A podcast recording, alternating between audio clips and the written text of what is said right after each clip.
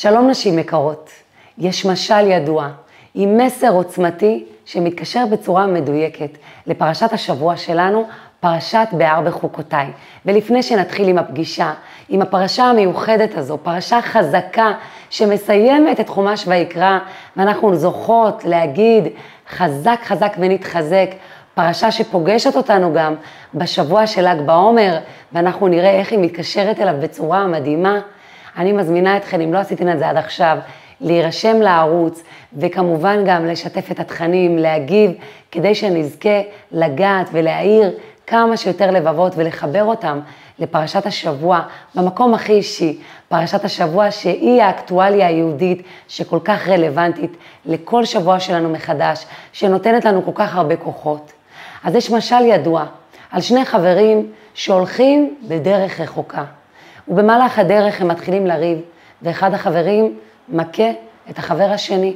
והחבר שקיבל את המכה ניגש וכותב על גבי החול, היום חברי הטוב היכה אותי. הם ממשיכים ללכת, בשלב מסוים הם נתקלים במקור מים, במעיין. החבר שקיבל את המכה רוצה להיכנס, להשתכשך במים, והוא נכנס וכמעט טובע. ואז חברו, שהיכה אותו לפני כמה ימים, מציל אותו ומציל את חייו, מוציא אותו מהמים. והחבר שניצל הולך וחורט, חוקק על גבי סלע. היום חברי הטוב הציל את חיי. שואל אותו חברו, למה כשנתתי לך מכה, כתבתי את זה על גבי החול, וכשהצלתי את חייך, חקקת את זה בסלע. עונה לו החבר תשובה שהיא מסר כל כך חזק לחיים, לזוגיות, לקשרים שלנו, עם הילדים, עם כל האנשים סביבנו. הוא אומר לו, כשעשית לי מעשה לא נעים, כתבתי את זה על גבי החול, כדי שתגיע רוח של סליחה ומחילה, ותבטל ותשכיח ותטשטש את הזיכרון הזה הכואב והלא נעים. כשעשית לי משהו טוב, רציתי לזכור אותו ולשאת אותו תמיד איתי, ולכן חקקתי אותו על גבי הסלע. כמה חשוב שאת החוויות הלא טובות נזכור בצורה שמאפשרת גם לסלוח, לשכוח, לטשטש, ודווקא את הדברים הטובים נחקוק כדי שהם ילכו איתנו כל הזמן. פרשת בהר בחוקותיי, פרשה שמשלבת גם את הר סיני, מתן תורה, מצוות שמיטה וגם בחוקותיי. הקדוש ברוך הוא מצווה עלינו, אם בחוקותיי תלכו. נשאלת השאלה המפורסמת, מה בין שמיטה להר סיני? אבל יש גם שאלה פחות מפורסמת, מה בין בהר בחוקותיי? מה הקשר בין הפרשות האלה, שלכאורה, לפחות על פי השמות שלהם, לא ברור. פרשת בהר, הר, שמסמל התנשאות, כן, מסמל איזושהי אה, עוצמה, בחירה, ובחוקותיי, שמסמל את החוק, את המצוות האלה שאנחנו לא מבינים, ועושים אותם בקבלת עול, את הענווה, ותכף נראה איך הכל קשור. אבל נפתח במצוות שמיטה שמלווה אותנו ברוב פרשת בהר. למה דווקא איתה בוחרת התורה להדגים לנו שכמו מצוות שמיטה, שכל פרטיה ודקדוקיה ניתנו על הר סיני, ככה גם המצוות האחרות. למה דווקא מצוות שמיטה? לכאורה היא מצווה לא כזאת פרקטית, מקיימים אותה רק פעם בשבע שנים. תחשבו שהיא ניתנה בהר סיני, זה לא היה משהו שמחר הולכים ומקיימים, יש עוד שש שנים לחכות עד שתגיע שנת השמיטה. אז למה להדגים דווקא ממנה את העובדה שכל המצוות וכל פרטיהן וכל דקדוקיהן ניתנו על גבי הר סיני? והתשובה פשוט מדהימה, ותכף נראה איך היא מתחברת למשל שרק מקודם סיפרנו. פרשת שמיטה, מצוות שמיטה, היא מצווה שמסמלת את כל היחס שלנו לקיום תורה ומצוות, לרוחניות, לתורה בכלל. מצוות שמיטה בעצם באה ואומרת לנו, אתם צריכים כל הזמן לעשות, אבל גם להרפות. לזכור שהעבודה יש לה גבול ומידה. לזכור שצריך להרפות, לשמוט, לשחרר. למה? כי זה מה שיזכיר לכם שהפרנסה והשפע וכל הגשמיות, כמו שכתוב בפרשת בחוקותיי, ונתתי גשמיכם בעיתם, כל הגשמיכם, כל הגשמיות, היא מגיעה מאת השם. נכון, אותו השם רוצה שנעבוד ונעמול ונעשה, אבל בגבול, שלא נאבד את זה, שלא נרגיש שאנחנו עבדים, מהבוקר עד הלילה צריכים לטרוח ולעמול, אחרת לא יהיה לנו. ואיפה רואים את ההוכחה לכך? לכאורה, אם מצוות שמיטה הייתה זו שמביאה את הברכה אחריה, אז מתי היינו רואים את הברכה וציוויתי את ברכתי? בשנה השמינית, אחרי שנת שמיטה, אחרי השנה שהיינו מפסיקים, אז היינו רואים את הברכה. זאת אומרת, צריך את כל השנים לעבוד, ואז לנוח, ואז מקבלים את הברכה בשנה השמינית. מה אנחנו רואים בפועל? שבאופן שהוא מעל הטבע, הברכה היא דווקא בשנה השישית. זה מוזר, וציוויתי את ברכתי בשנה השישית. אם האדמה כל כך עייפה משנים של עבודה, אז מתי היא הכי עייפה? בשנה השישית. כי אז היא כבר עוד מעט יוצאת לחופשה. תחשבו, בן אדם שיש לו מורה, שיש לה שנת שבתון, מתי היא הכי עייפה? דווקא בשנה השישית, כי היא כבר כל כך מחכה לשנת השמיטה, לשבתון, לנוח. דווקא אז הקדוש ברוך הוא נותן את ברכתו. להראות לנו שהברכה הזו היא מעל הטבע. שאפילו שהאדמה הכי עייפה, ולכאורה היה יותר מתאים ששיא הברכה תגיע בשנה השמינית, אחרי שנה של מנוחה, הוא נותן לנו את זה בשנה השישית, להראות לנו שהברכה והשפע זה משהו שהוא מעל הטבע, זה משהו רוחני. אנחנו לא צריכים כל היום לעשות חישובים, אנחנו צריכים לעשות את העבודה מתוך קבלת עול. אלוקים רוצה שנעשה פעולות גשמיות כדי שיהיה לנו פרנסה, אבל שהכל יהיה בגבול, שלא נשתגע, שלא נאבד את זה, שלא נרגיש עבדים. כל המטרה היא שלא נהיה עבדים, וזה משהו שאנחנו נראה גם בהמשך הפרשות האלה, שיש לנו, מדובר על דיני עבד עברי. ודיני עבד עברי שמשתחרר בשנת היובל, ושאם הוא מכר את עצמו לגוי, אנחנו צריכים לעשות הכל כדי לשחרר אותו. כי המציאות הזאת של יהודי שהופך לעבד, היא מציאות שהיא הפך התורה. הקדוש ברוך הוא רוצה שתהיה לנו מנוחת הנפש, שתהיה לנו האמונה הזאת, שהוא זה שנותן לנו את השפע. מאיפה נשיג את האמונה הזאת? למה הוא נותן לנו שנה שמי, שמי שביעית שבה לא עובדים? למה הוא נותן לנו את השבת כל שבוע מחדש כדי שננוח, כדי שנזכור שהשפע הוא ממנו? איך אני יכולה שהאמונה הזאת תהיה בי? אני צריכה בחוקותיי, אני צריכה שיהיה לי חקוק. שהשפע מגיע מאת השם. בחוקותיי לא מרמז רק על החוקים, על המצוות שהם מעל ההבנה שלנו, שאנחנו עושים רק כי השם אמר, בחוקותיי מרמז גם על החקיקה, על זה שצריך שהחוקים של התורה יהיו חקוקים בתוכנו. כשמשהו כתוב על דף, אז הוא עדיין לא הופך להיות חלק ממנו.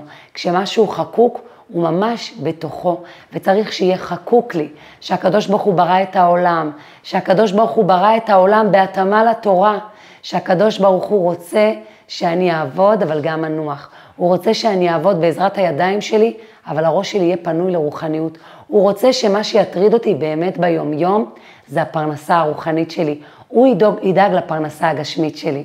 בדיוק לפני כמה ימים קרה לי איזה משהו שחקק בי עוד יותר את האמונה, כמה הקדוש ברוך הוא מנהל את העולם וכמה הכל מותאם לתורה. אז עברתי בשדרה, בדרך לספורט שלי, יש שם שדרה מדהימה, מלאה מלאה בעצים. בתקופת חודש ניסן, כשהיה את העניין של ברכת האילנות, המקום פרח בצורה שזה היה נראה כמו איזה גן בוטני, יופי לא נורמלי, והאמת היא שרציתי כל יום לברך מחדש את ברכת האילנות, אבל מה לעשות, בירכתי ממש בתחילת חודש ניסן, ופשוט הסתכלתי והתפעלתי.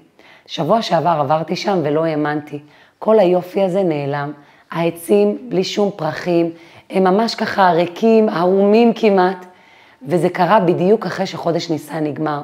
הסתכלתי על זה, צילמתי את זה ואמרתי לעצמי, ציפי, תראי מה זה. תראי מה זה, לא סתם דווקא בחודש ניסן מברכים את ברכת האילנות. זה שיא הפריחה, זה בדיוק הזמן. והרבה פעמים נדמה לנו, מה הקטע שעכשיו אני אתפלל ועכשיו אני אעשה ככה, והמצווה הזו והמצווה האחרת. אנחנו לא באמת מרגישות, זה לא באמת חקוק לנו השפע שזה מביא, הברכה שזה מביא. כשאני אומרת לילד שלי לברך בקול ואני אגיד אמן, כשאני מקפידה שהוא ייטול ידיים על הבוקר, כל הדברים הקטנים האלה, אני לא באמת מבינה כמה ברכה זה נותן, איזה אור זה מביא. ופתאום כשהסתכלתי זה נהיה לי חקוק, וזו העבודה שאנחנו צריכות לעשות בחוקותיי, בהר בחוקותיי. שאני אשמוט, ומאיפה אני אמצא את הכוח לשמוט באמת. לא רק לשמוט, כן, להגיע לשבת וכל השבת לחשוב, וואי, איזה בעיות פרנסה יש לי. לא רק להגיע לשבת ולהגיד, למרות שאני נחה בשבת, יהיה לי שפע. לא, לא, לא, לא, לא. להגיד לעצמי, כל הברכה, מקור הברכה היא השבת. כל הרצינות שלי צריכה להיות לשבות בשבת עד הסוף. כל פעם שעולה לי איזה דיבור על העסק, על העבודה, על הפרנסה, להוריד את זה, לא לדבר על זה. לזכור שזה לא שאני עובדת כל השבוע, ולמרות שאני נחה בשבת אני מתפרנסת. לא, לא, לא, הפוך. אני את כל הפרנסה שלי מרוויחה בשבת, וכל השבוע אני עובדת, כי הקדוש ברוך הוא ביקש שבכל זאת אני אעשה כלי בטבע. תחשבו כמה מנוחת הנפש זה נותן, וכדי לעשות את זה בשלמות, צריך שיהיה חקוק לי שהפרנסה היא ממנו, שהוא רוצה שאני לא אהיה עבד. אתן יודעות, לפני כמה ימים דיברתי עם איזושהי קרובת משפחה שחזרה לעבוד אחרי חופשת לידה. והיא אמרה לי, תקשיבי ציפי, קשה לי, אני לא יכולה, פשוט קשה לי, חזרתי, ואני מרגישה שאין לי אוויר. ודיברתי איתה ואמרתי לה, באיזו עוצמה חזרת? ומסתבר שהיא חזרה בבת אחת לפול טיים ג'וב, תחשבו, יולדת. עכשיו, העולם שלנו הוא כזה שהמרוץ של העבודה הוא כל כך אה, אה, רציני, הוא כל כך עוצמתי, שאישה שילדה רק לפני כמה חודשים, שלפי התורה היא נחשבת יולדת לכל דבר ועניין, עד שהילד בן שנתיים, שהיא עצמה וגם הילד עוד כל כך זקוקים אחד לשני. אז נכון, את חוזרת לעבוד, אבל העולם מצפה שתחזרי מיד בעוצמה, שלא יהיה לך איזו רגישות כזאת של ההתחלה, שלאט לאט, שיש שלבים. והבעיה הכי גדולה, עזבו את זה שהעולם מצפה מאיתנו, שאנחנו מצפות מעצמנו. ואז אמרתי לה, תקשיבי, תורידי הילוך, ת, תעשי פחות. ת, אל, ת, אל, ת, אל תהיי עם כל הלב שם בעבודה, תעשי ותזכרי שהלב שלך צריך להיות בעיקר עכשיו עם הילדים, עם האימהות שלך. לאט לאט, תני לזה, תני, תני לזה את השלבים, לאט לאט את תחזרי לשם. זה כל כך הרגיע אותה. וזה בדיוק העניין של פרשות בהר בחוקותיי. אל תחזרי בבום, אל תהיי עבד, תזכרי, הברכה היא מאת השם, מה הקדוש ברוך הוא רוצה ממני? עכשיו ממנה הוא רוצה שתהיה קודם כל אימא, נכון, היא צריכה לעבוד, אבל שלא כל הלב שלה יהיה בעבודה, שהלב שלה יהיה קודם כל בזה שהיא יולדת, בזה שהיא אימא, במקום הזה הרך, ולאט לאט היא תוכל לחזור בעוצמה גדולה יותר לעבודה, אבל כל הזמן לזכור מאיפה הברכה מגיעה. זה כל כך מעניין מה שאומר הבעל שם טוב גם על בחוקותיי, אם בחוקותיי תלכו. יש כל מיני הסברים לאם בחוקותיי תלכו. יש הסבר שאני מאוד אוהבת אותו, הוא כתוב גם ביום יום של יום ההולדת שלי, שיחול ממש בשבוע הבא, כ"ד באייר, כתוב אם בחוקותיי תלכו, אם זה לשון תחנונים. הלוואי בחוקותיי תלכו, הקדוש ברוך הוא מתחנן אלינו שנלך בחוקותיו. אבל הבעל שם טוב נותן עוד הסבר. הוא אומר, אם בחוקותיי תלכו. אם את מקיימת את המצוות והגעת לאיזושהי חוקיות כזאת, לרוטינה, שאת עושה הכל אותו דבר, לא מתרגשת יותר מדי, לא עושה מעבר למה שאת חייבת, תלכו, תתקדמי, תוסיפי, תשדרגי, כי זו הברכה שלך. כמו שאדם לא מסתפק בפרנסה הגשמית שלו, וכל הזמן הוא אומר, אני אגדיל את העסק, אני אעשה עוד משהו, אני אקח עוד כמה שעות, אני רוצה להרוויח יותר. ככה גם בפרנסה הרוחנית. לא להסתפק במה שעשיתי עד עכשיו. אם בחוקותיי, אם כבר הגעתי למקום שאני עומדת במקום, תלכו. בואו נוסיף עוד שיעור תורה, עוד קטע בתפילה שאני מכוונת בו, עוד פרק תהילים, עוד איזה חסד שאני עושה עם מישהו. מי שיתפרנס מזה בסופו של דבר זה אני. זו הפרנסה שלי, משם מגיע השפע, וזה מה שהקדוש ברוך הוא אומר לנו בפרשות בהר בחוקותיי. הנושא הזה של שמיטה, יכול להביא אותנו לקיצוניות. כי מה לעשות, הנפש שלנו, היצר הרע שלנו גם, כל הזמן לוקח אותנו לקצוות. או שתעבדי, תעבדי, תעבדי, חייב להרוויח, תגיעי למיליון הראשון שלך, כן, היום יש הרבה מנטורים שמדברים על זה, תהיי בשיא שלך, תהיי עשירה, גם אנחנו רוצות להיות עשירות. גם הרבי אומר לנו שאצל יהודי לא צריך להתפלל רק על פרנסה, צריך להתפלל על עשירות כפשוטו. אבל איך מגיעים לשם? זו השאלה. אפשר להגיע לשם בדרך שאני רצה כל הדרך, ואני מותשת ואין לי אוויר ואני לא נושמת, ואני שוכחת את הרוחניות שלי ואת המשפחה שלי. אז אולי אני אגיע לכסף, אבל כמה אני באמת ייהנה ממנו? כמה מנוחת הנפש תהיה לי? ואפשר להגיע בדרך אחרת, בדרך שבה אני עושה מאמץ לפרנסה, אבל את עיקר ההשקעה שלי אני שמה בפרנסה הרוחנית שלי. כי אני יודעת שהשמיטה, שההרפייה, שהאמונה, שהשבת, היא מקור הברכה שלי. הקדושה זה מה שייתן לי את הכוח. איפה אני משקיעה שתהיה האווירה הכי נעימה בבית בשבת? יש כל כך הרבה סיפורים על ילדים שלא עלינו עזבו את הדרך ומה שהחזיר אותם בסוף הביתה זה השבת, זה הטעם, זה האווירה של השבת שהייתה בבית. כמה פעמים שהגיעו לרבי מלובביץ' וסיפרו על ילדים שקצת ירדו מהדרך, הרבי אמר, תשקיעו יותר בשבת, שתהיה ההשקעה הכי גדולה, שתהיה אווירה טובה, שתהיה שמחה, כי בסופו של דבר, זה מה שאנחנו מעבירים לילדים שלנו. אם ילד רואה שההורים שלו כל היום טרודים בפרנסה, אז קודם כל זה הורים לחוצים, אבל גם הוא אומר, זה הדבר הכי חשוב. אז הרוחניות, בסדר, זה כבר יגיע. לא, הפוך, הפרנסה תגיע. הרוחניות, בה צריך להשקיע ולעמול, שיהיו לילדים שלנו חוויות רוחניות, שהם יראו שזה הוואו שלנו, שמזה אנחנו מתלהבים, ששם אנחנו שמים את מלוא ההשקעה, ששם אנחנו שמים את כל המניות שלנו, כי אנחנו יודעים שזה מה שיביא לנו את השפע, גם בגשמיות, גם ברוחניות, זה מה שיביא לנו את הנחת. ובגלל שיש לנו נטייה לקיצוניות, אז הרבה פעמים אנחנו אומרים, טוב, אז יאללה, אני אהיה כולי בשמיטה, והקדוש ברוך הוא כבר ידאג לי. לא, לא, לא. הקדוש ברוך הוא רוצה שנעשה, שיש את הששת השנים שלפני נשקיע ונעבוד, שששת ימי העשייה נעשה ונעמול, שנעשה פעולות, שנשקיע בהם, שנתאמץ, שנתקדם גם בהם, תלכו גם בעשייה הגשמית, אבל מתוך הבנה שהפרנסה והשפע והברכה מגיעים דווקא ברוחניות. וזה מעניין שבפרשת בחוקותיי כתוב, וכי ימוך אחיך, אם לאח שלך יהיה בעיות בפרנסה, מה אתה צריך לבוא ולהקים אותו, לבוא ולעזור לו. אז שואלים, למה זה כתוב בלשון יחיד? כל הדברים שכתובים לפני זה, כתובים בלשון רבים. אז כתוב שם הסבר מדהים, שיכול להיות לנו נטייה, שנגיד, אם הקדוש ברוך הוא גם ככה עוזר, אז אני אשמוט גם את זה, מישהו כבר יעזור לו. לא, לא, לא. כאן מדברים אלינו בלשון יחיד. אתה צריך לעזור, את צריכה לעזור, ופה את לא יכולה לשמוט, לא להגיד, טוב, הקדוש ברוך הוא מנהל את העולם, הוא כבר יעזור לאותו אדם. לא. חי ימוך אחיך, זה אח שלך, זה אחותך, את צריכה לקום ולעזור לו. שם האמונה הזאת והשמיטה הזו וההרפייה הזאת, היא לא מתאימה. אנחנו צריכים איזון. ובכלל זה מחבר אותי למקום הזה, שהרבה פעמים אנחנו נתקלים במישהו שעובר אתגר מאוד גדול, ואז אנחנו רוצים לשמוט כזה, להשליך עליו את כל האמונה שלנו, אל תדאגי, הקדוש ברוך הוא יעזור לך, הכל בסדר, זה בקטנה, זה יעבור, את עוד תודי על זה. משפטי אמונה שהם מאוד מאוד עוצמתיים ויפים, אבל כשאני באה ואומרת את זה לאח שלי, כי ימוך אחיך, באותו רגע זה יכול לגרום לו להרגשה כל כך רעה, להרגשה שלא רגישים אליו, שלא מבינים אותו, וכי ימוך אחיך, את האמונה הזאת ואת הרוחניות הזאת היא מדהימה. תשמרי אותה קודם כל לעצמך. קודם כל תבואי לאותו אדם ותקימי אותו. תהיי איתו שם בכאב, תגידי מה כואב, מה קרה, תרגישי אותו ביחד, בלשון יחיד, כאילו זה שלך. ורק אז, כשאת רואה שזה מתאים, תביאי את האמונה ברגישות, כי גם אמונה צריך להביא באהבת ישראל. גם אמונה כשהיא לא מותאמת סיטואציה, היא יכולה להיות כמו משהו שרק מוריד את האח יותר נמוך. אם אני רוצה באמת להקים אותו, אם אני באמת רוצה לעזור ולתת הרגשה טובה, וכי ימוך אחיך, קודם כל להיות שם איתו, להרגיש את הכאב שלו, ורק אז לעזור ולהביא את האמונה בצורה מותאמת, בצורה אוהבת. בפרשת בחוקותיי יש לנו הרבה קללות. וזה די אה, ככה כואב לקרוא את זה ולהגיד, מה, זה, זה מה שהולך לקרות לנו, למה כביכול מאיימים עלינו?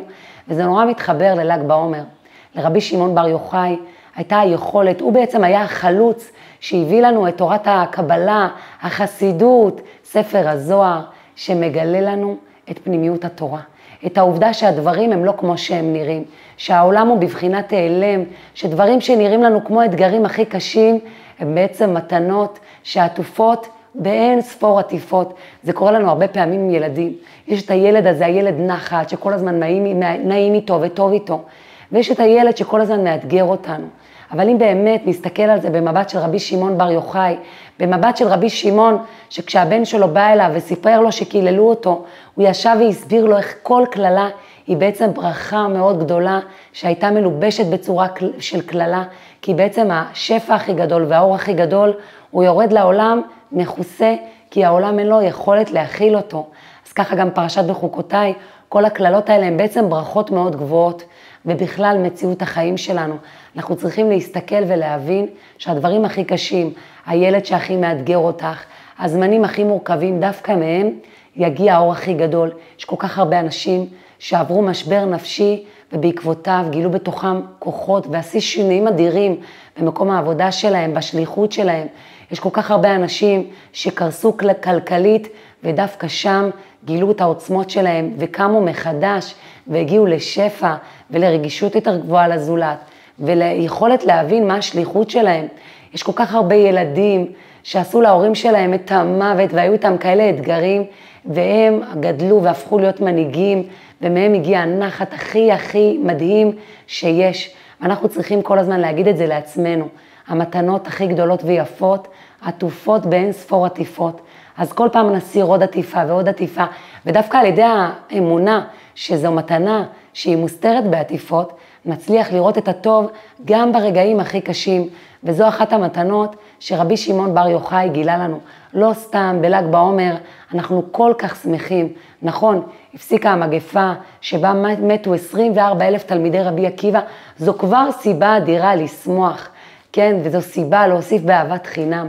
אבל רבי שמעון בר יוחאי גילה לנו סודות משני חיים, שבזכותם אנחנו יכולים להסתכל על המציאות ולהיות בשמחה גם ברגעים היותר מורכבים. בזכותם אנחנו יכולים להסתכל על עצמנו ולהיות בעוצמה, וזה מדהים כמה זה מתחבר לפרשות בהר בחוקותיי. שואלים, למה התורה ניתנה על הר?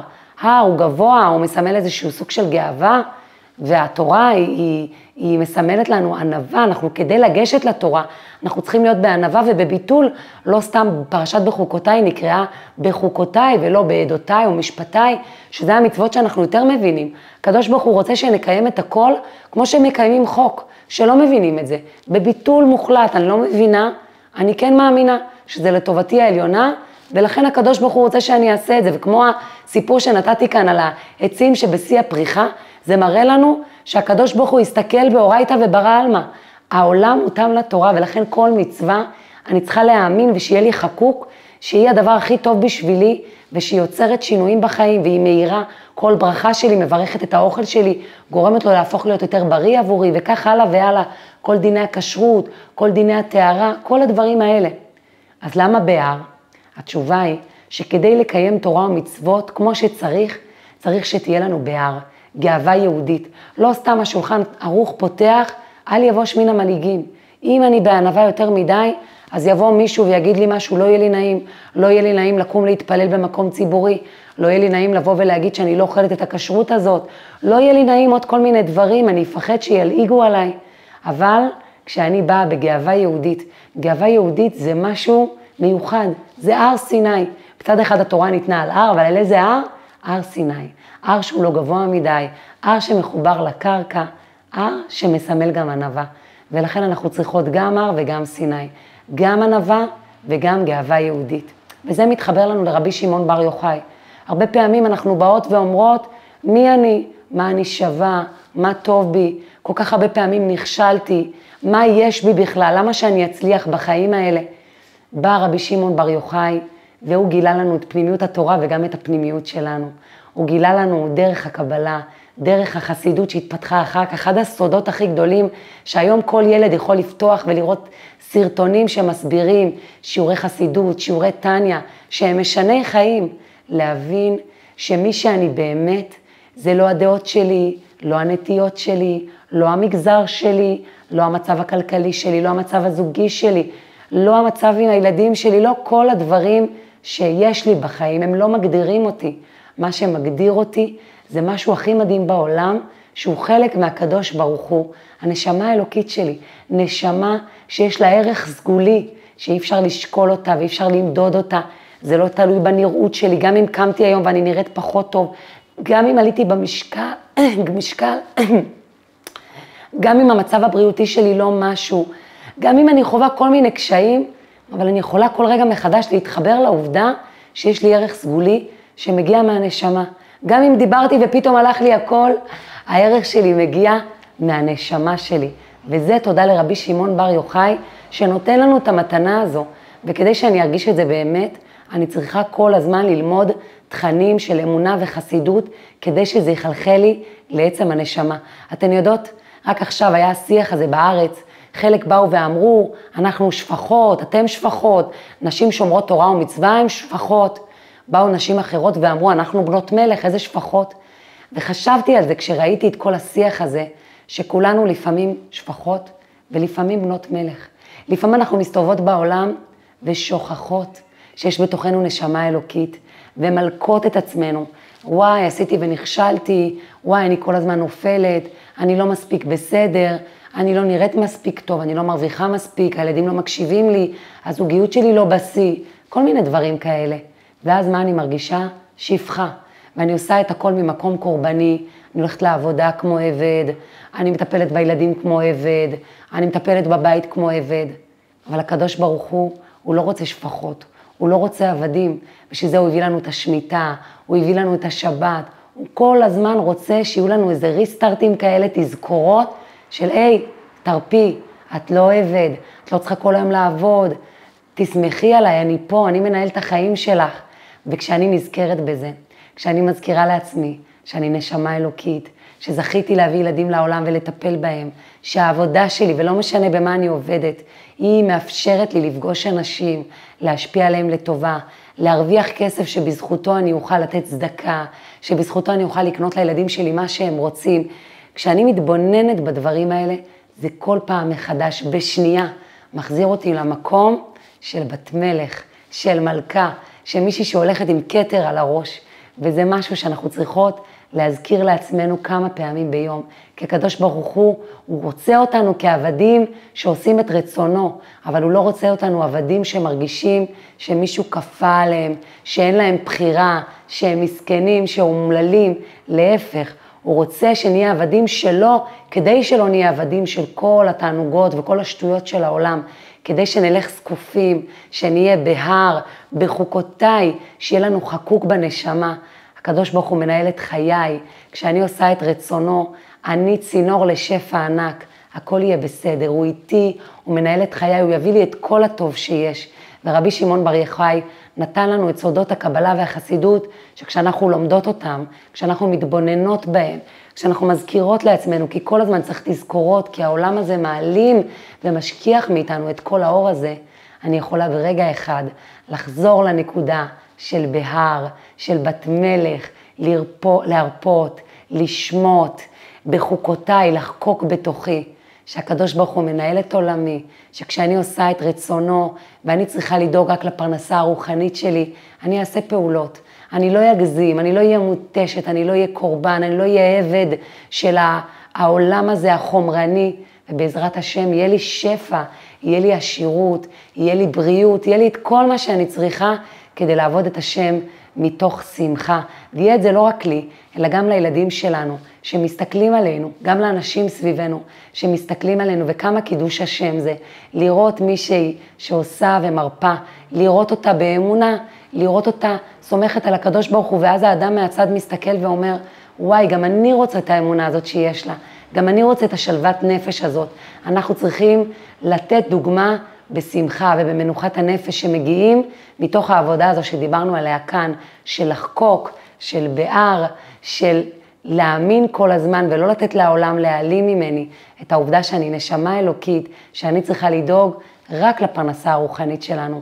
אז שנזכה בעזרת השם להפנים את הדברים האלה, שנזכה בעזרת השם בקרוב ממש, כל אחת ברמה האישית, לגאולה הפרטית שלה, בבריאות, בשפע, בשלום בית, בחינוך הילדים, בכל הדברים שאנחנו צריכות, ובקרוב ממש, גאולה כללית לכולנו